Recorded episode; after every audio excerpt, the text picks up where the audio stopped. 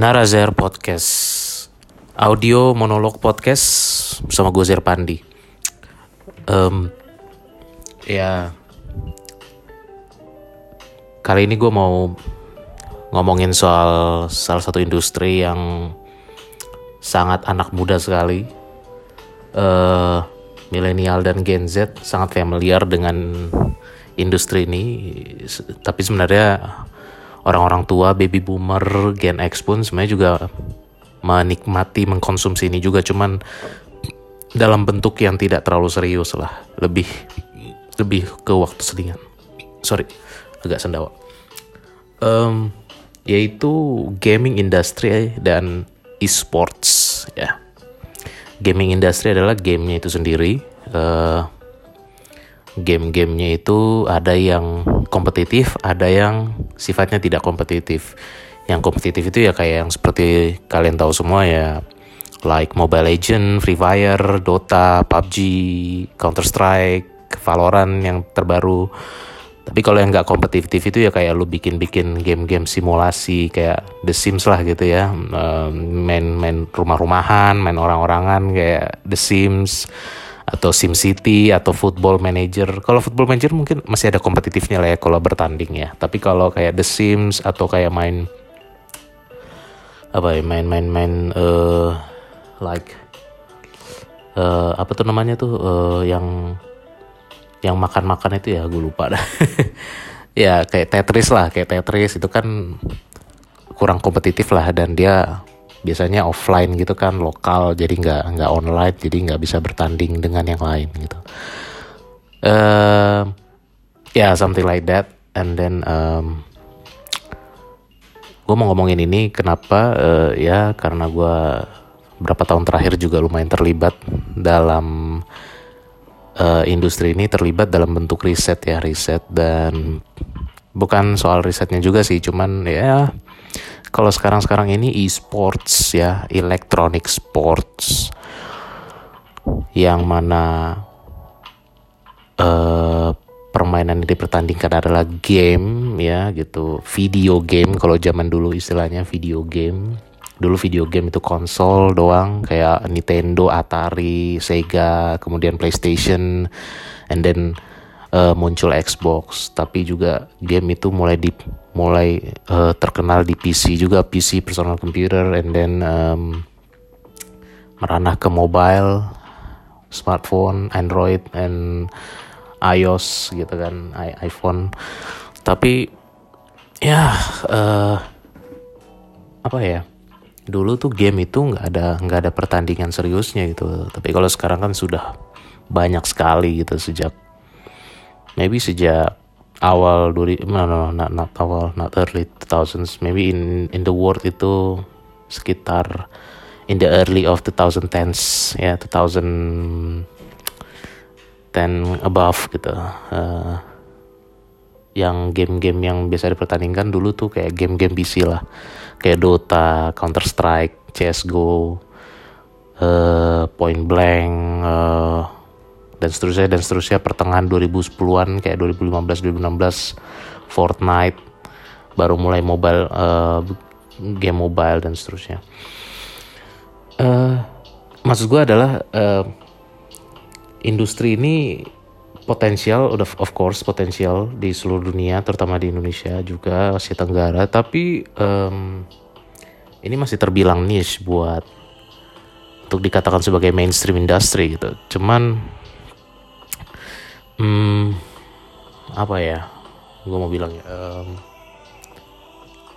mainstream itu baru akan jadi mainstream ketika anak-anak Gen Z ini sudah berumur 25 ke atas 30-an tahun ya.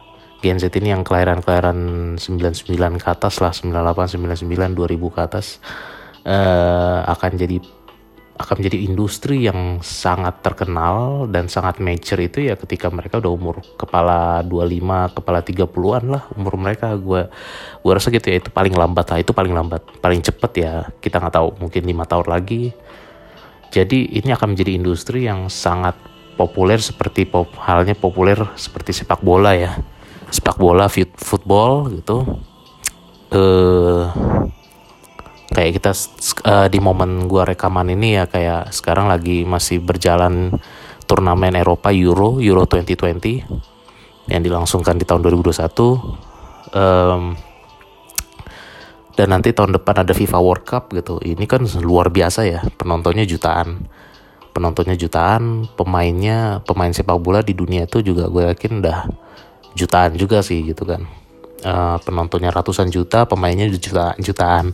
Kalau sekarang terakhir gue cek uh, dengan data statistik yang paling bisa diandalkan lah kira-kira itu. Piala presiden piala presiden yang digelar oleh uh, di, digelar oleh sekretariat negara Republik Indonesia tahun 2019 dan 2020 itu player yang mendaftar dan bermain berturnamen kualifikasi sampai putaran final di turnamen itu ya mencapai totalnya tuh mencapai lebih dari 177 ribu.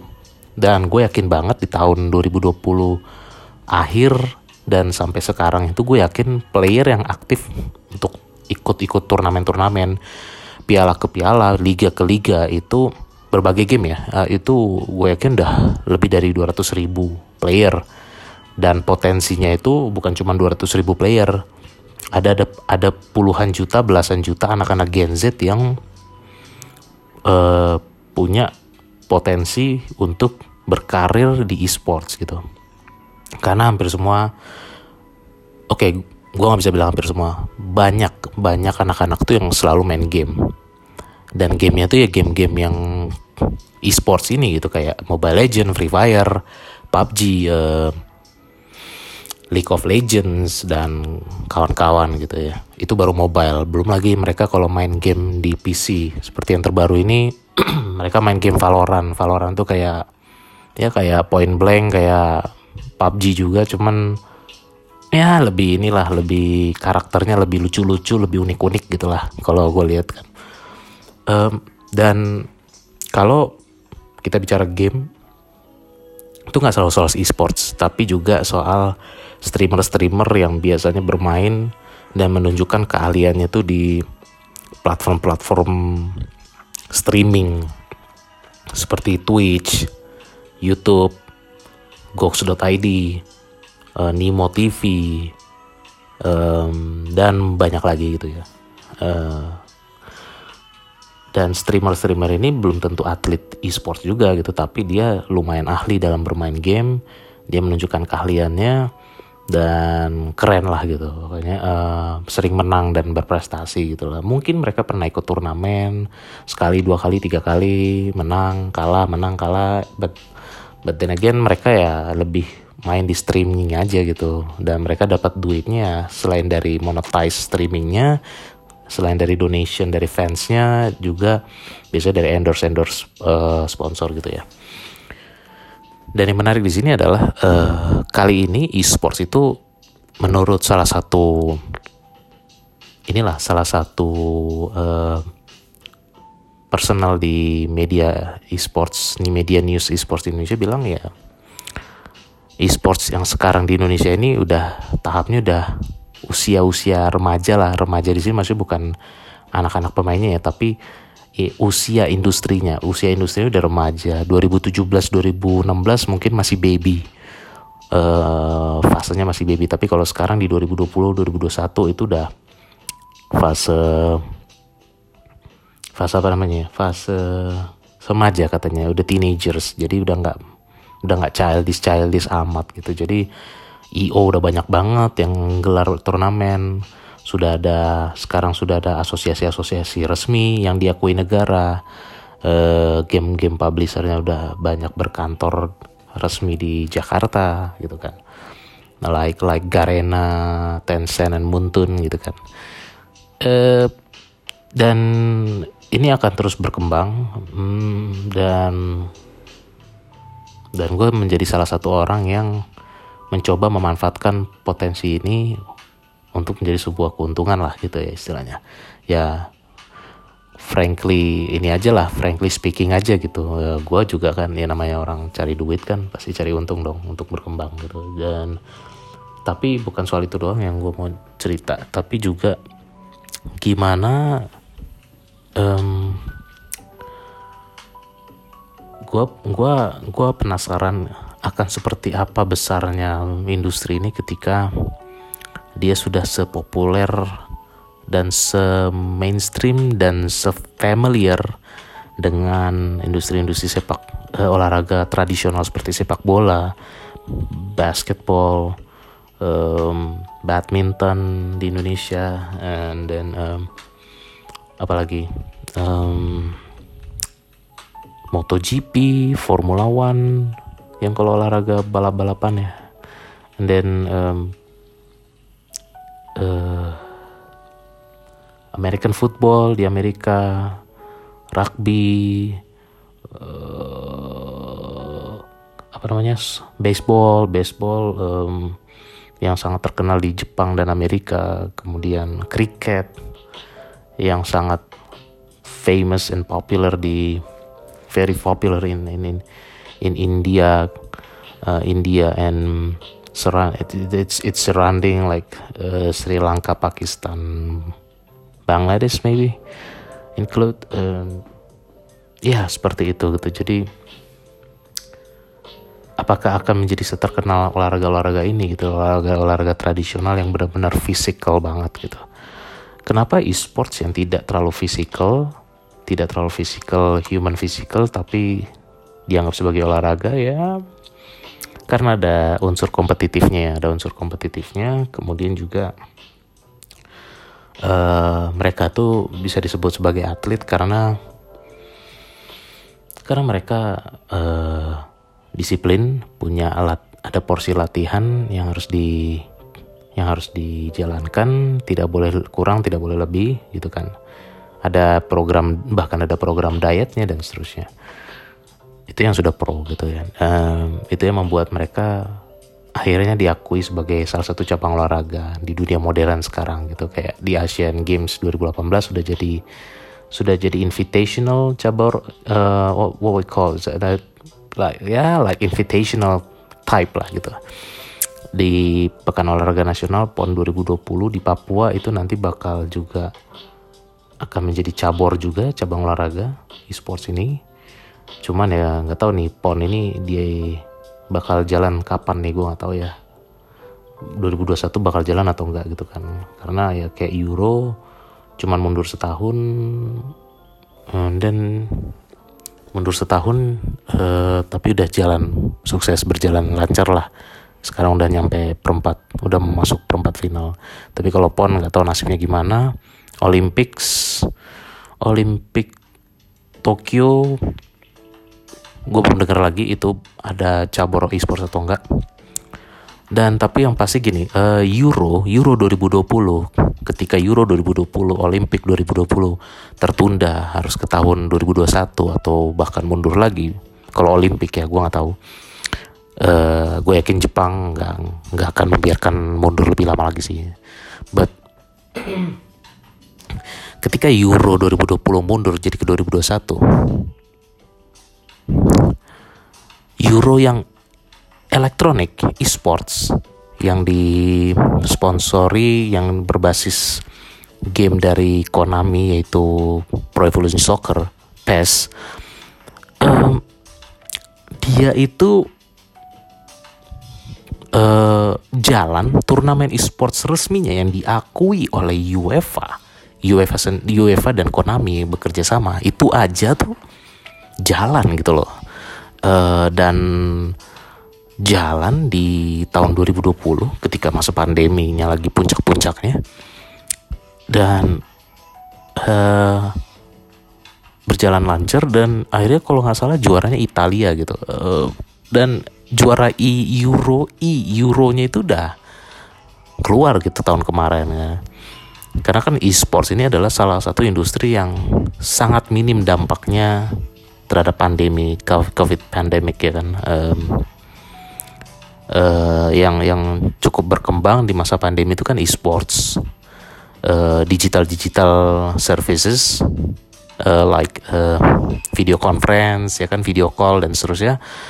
Dan uh, terutama healthcare juga ya healthcare healthcare edutech fintech gitu.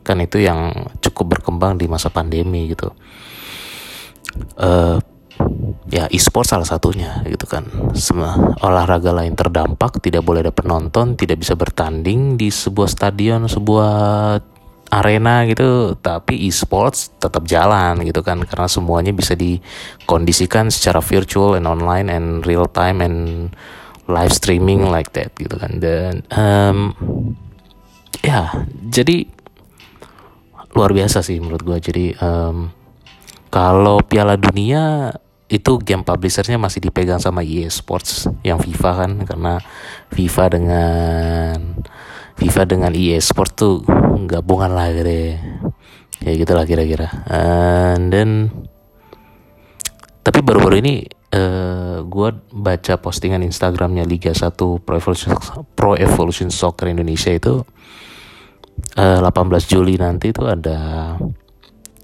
World Series World World apa Final Worldnya PES Konami gitu mereka bikin istilahnya tanda petik Piala Dunia e-sportsnya mereka sendiri gitu kan karena kan kalau Piala Dunia e-sports yang yang versi resmi FIFA kan ya dipegang sama game FIFA EA Sports gitu.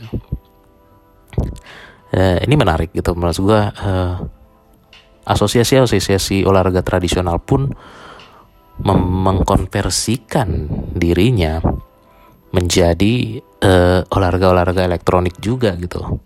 Punya versinya gitu kan kayak klub-klub bola pun ya bahkan klub-klub bola pun udah ada klub e-sportsnya juga loh gitu. Kayak di Serie A itu udah lumayan serius sih gue lihat. Di Serie A itu kayak Juventus, Atalanta, Napoli, Parma itu udah punya klub versi e-sportsnya juga. ya, kalau ibaratnya kalau kayak di Spanyol kita tahu Barcelona, Real Madrid punya klub basket juga gitu kan. Bukan cuma klub sepak bola, tapi ada klub basketnya juga. Klub basket Real Madrid, klub basket Barcelona. Tapi kalau di Italia itu mereka punya klub e-sportsnya dan tetap sepak bola juga gitu. Uh, uh, ya Revolution Soccer lah paling ya gitu kan Nah, jadi ini keren banget sih. Itu baru satu jenis game.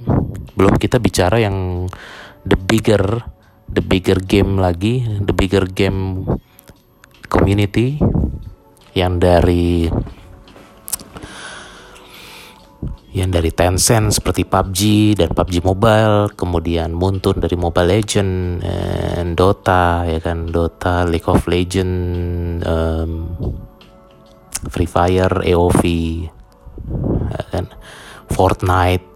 Kalau PC kita bilang Fortnite, Counter Strike, Go, um, Point Blank, ada lagi Valorant yang baru, kemudian um,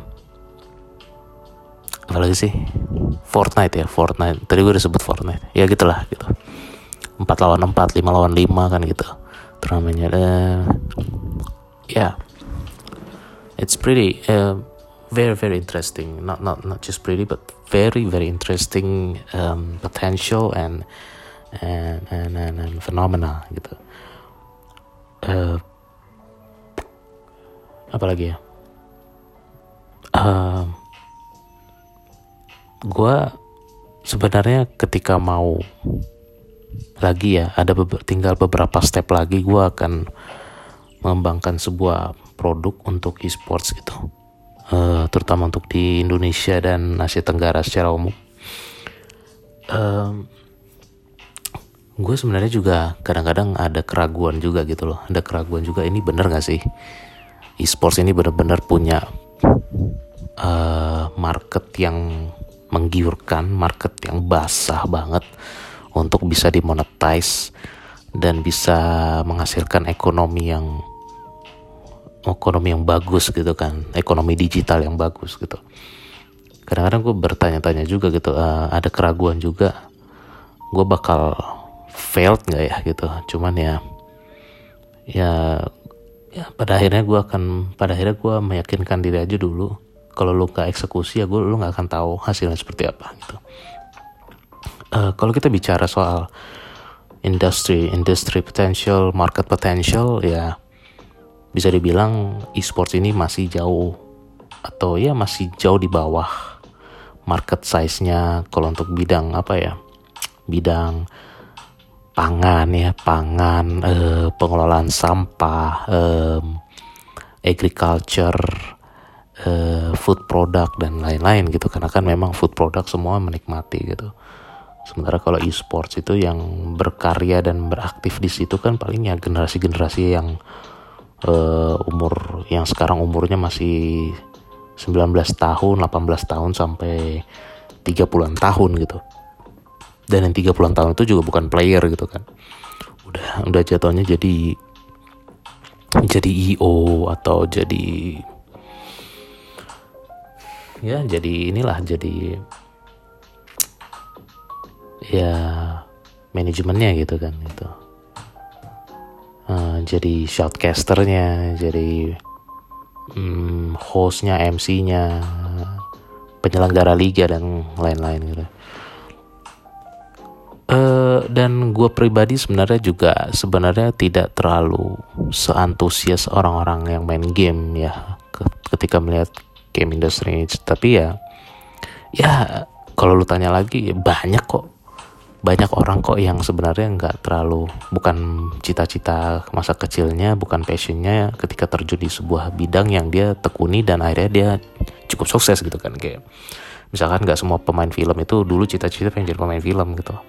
Atau nggak semua orang-orang direktur uh, finance direktur uh, accounting atau sebuah seorang CEO yang sukses itu dulu cita-citanya pengen jadi CEO nggak juga. Bisa jadi cita-citanya dulu pengen jadi pemain bola pemain basket atau jadi apalah gitu pemain bintang film gitu kan atau atau atau uh, something else lah some, uh, tapi ya namanya hidup lo harus lo harus kerjakan dan lo ya lu jalanin aja gitu. Eh, nggak ada ruginya dan bukan sesuatu yang sia-sia gitu kan.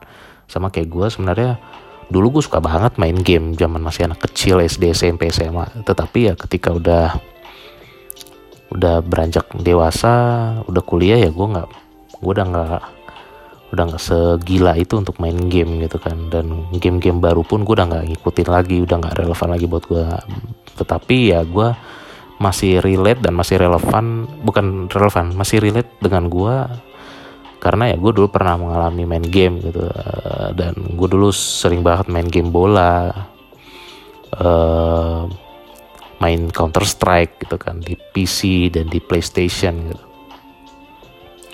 Dulu zaman zaman gue masih SD tuh kalau orang main game PlayStation tuh paling sering main game Harvest Moon gitu kan.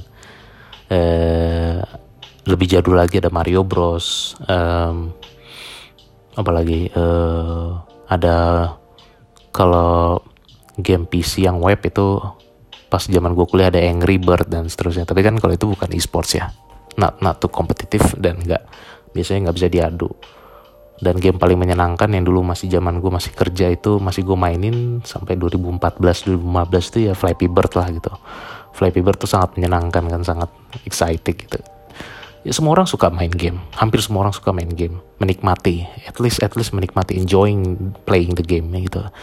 But for the serious context and for the serious community to become a, a amateur semi pro and pro player ya akan semakin terkerucut gitu kan yang berputar dan aktif di sana gitu. Dan itu yang membuat dia kita jadi dari ratusan juta manusia di Indonesia ya cuman 200 ribuan yang player yang bermain di turnamen gitu kan. Dan dari sekian banyak tim pro ya di Indonesia cuma 18 sampai 24 tim pro. Benar-benar profesional yang punya misalkan punya badan usaha PT, ada manajemennya, ada manajernya, ada direkturnya, ada HRD-nya dan seterusnya, playernya digaji uh, eh, UMR atau lebih gitu kan. Tapi ya pas gue cari tahu lebih banyak lagi ternyata tim-tim pro itu pun juga bukan aslinya tuh ownershipnya aslinya banyak yang bukan dari Indonesia juga gitu. Bahkan yang top-top kayak EVOS, RRQ uh, ya EVOS dan RRQ itu aslinya bukan dari Indonesia ownershipnya gitu. Tetapi ya mereka akhirnya berbasis di Indonesia uh, PT-nya di Indonesia uh, mewak representatifnya representatif Indonesia gitu kan untuk mewakili game-game kayak Free Fire, Mobile Legend, PUBG, Dota dan kawan-kawan gitu tetapi ya ya mereka sebenarnya datangnya dari Singapura, dari Malaysia, dari mana-mana gitu dari Asia Tenggara gitu. Um, karena ya potensinya besar tetapi pelakunya masih sedikit gitu. Pelakunya masih sedikit, masih minim ya. Dan gue aja cukup kaget ya ketika ngeliat sponsornya RRQ itu ada yang dari Indofood ada dari Save the Children Indonesia. Which is yang sampai yayasan NGO kayak Save the Children buat uh, anak-anak aja tuh sampai mau gitu jadi sponsor mereka gitu. Sponsor sebuah klub e-sports gitu.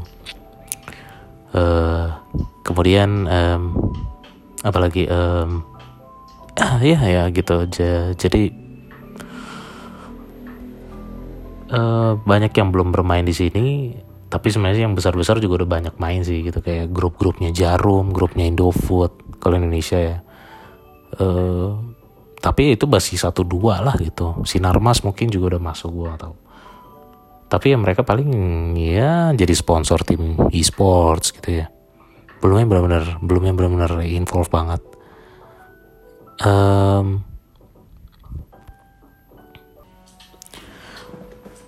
uh, so jadi um, kalau sekarang di Indonesia klub sepak bola tuh ya ada ratusan lah gitu ya klub sepak bola. Ya kayak kalau yang klub-klub yang legend tradisional legend itu kayak Persija Persib Bandung um, apa lagi uh, PSMS Medan Persiba Persebaya PSIS Semarang Persipura, PSM Makassar, mm, Bali United yang baru, kemudian eh, balik papan apa tuh, ya itulah. Terus kayak ya banyak lah gitu kan, tahu sendiri lah gitu ya. Ada yang turun kasta, naik kasta dan seterusnya dan seterusnya. Kemudian kalau kayak di e-sports itu kan ya baru 18 sampai 24 tim pro. Sisanya semi pro dan amatir. Total ada 7 ribuan tim 8 ribuan tim. Bahkan mungkin sekarang udah ada 10 ribu tim. Tapi yang kalau amatir dan semi pro tuh rata-rata gampang bubarnya gitu kan gampang bubar jalan. Sementara kalau kayak klub-klub sepak bola tradisional itu kayak taruhlah kayak PSMS Medan, PSPS Pekanbaru um, yang udah sering turun kasta gitu kan uh, atau kayak Persiwa Wamena uh, PKT Bontang hmm, ya kayak gitu-gitu atau klub-klub di Manado, Ambon dan seterusnya. Walaupun mereka udah turun kasta di Liga 3, Liga 2 atau Liga bahkan Liga Nusantara misalkan kayak di Indonesia gitu.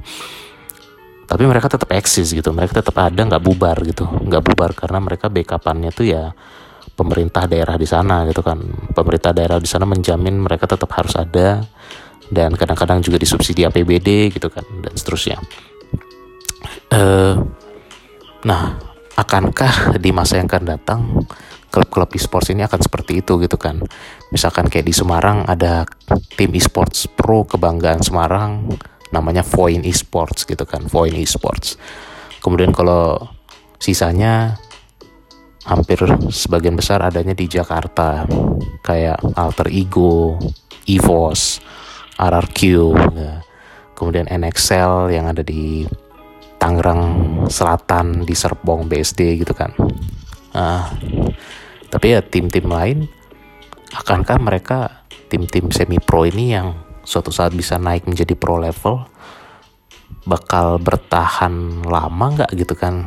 Uh, seperti klub-klub tradisional pada umumnya kayak NBA uh, tim-timnya selalu ada gitu kan Detroit Pistons, uh, Chicago Bulls, LA Lakers, uh, Mavericks apalah itu kan gue nggak terlalu hafal. Mereka tetap ada dari tahun ke tahun, dari dekade ke dekade. Gue melihat ada ke arah sana gitu. Game boleh berubah. Someday CS udah nggak dimainin, uh, Point Blank udah nggak dimainin, someday PUBG udah nggak relevan lagi, Free Fire nggak relevan lagi, tetapi game baru akan terus ada, akan terus muncul dan menjadi e-sports, menjadi kategori e-sports. Dan ketika dan ketika itu masih dipertandingkan dan marketnya sangat besar itu akan tetap tim pro tim pro esportsnya akan tetap akan eksis dan tetap banyak fanbase-nya gitu kan. Uh, supporter loyalnya tetap ada. Ketika sudah ada supporter loyal ada dukungan dari daerah tempat mereka berbasis ya udah. Akan jadi akan jadi tim yang sustain akan menjadi industri yang sustain. Itu sih yang gue lihat ya. Dan ya kalau di Indonesia kan marketnya mobile ya. Game-game yang kayak gue sebut tadi kayak game-game PC kayak Dota, CSGO, Fortnite, uh, Point Blank. Itu uh, liga-liga atau piala-piala topnya hadiah price-nya tuh sangat besar banget gitu kan. Puluhan juta US dollar dan seterusnya. Tetapi di Indonesia game-game seperti itu marketnya masih kecil gitu. Marketnya kecil banget dibanding game-game mobile. Nah itulah bedanya Indonesia dengan negara-negara luar kayak di Eropa Amerika atau kayak game uh, e-sports di Jepang Korea gitu. Karena di sana market yang main game PC itu besar banget. Sementara di Indonesia masih niche. Yang besar itu mobilenya gitu kan.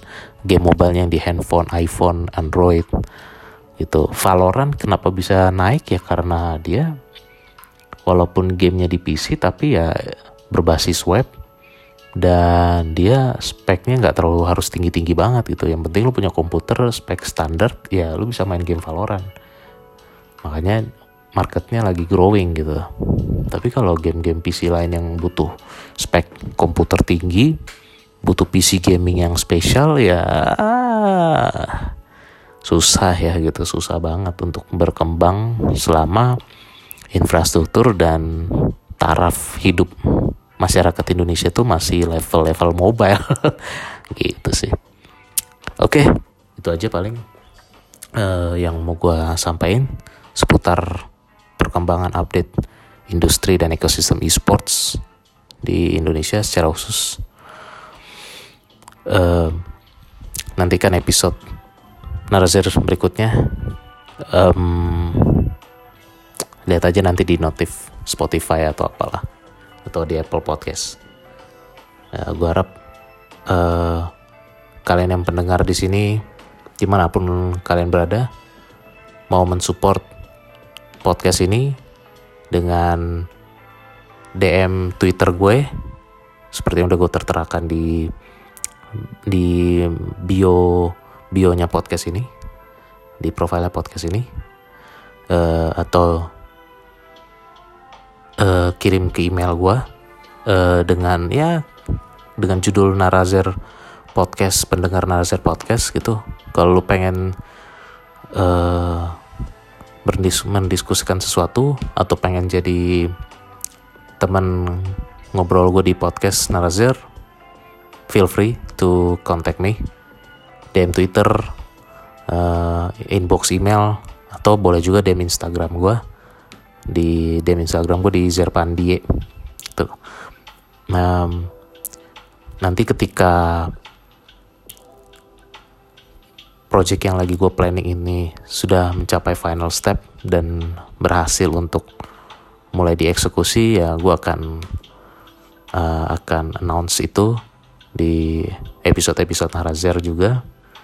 Uh, dan gue akan mem memunculkan produk apa yang akan gue launching gitu uh, sembari memberikan awareness berharap produk platform ini bisa memberikan manfaat yang signifikan untuk industri dan ekosistem gaming esports di Indonesia, lokal, nasional, sampai internasional. See you and as you. Um, thanks for listening this podcast. Ciao.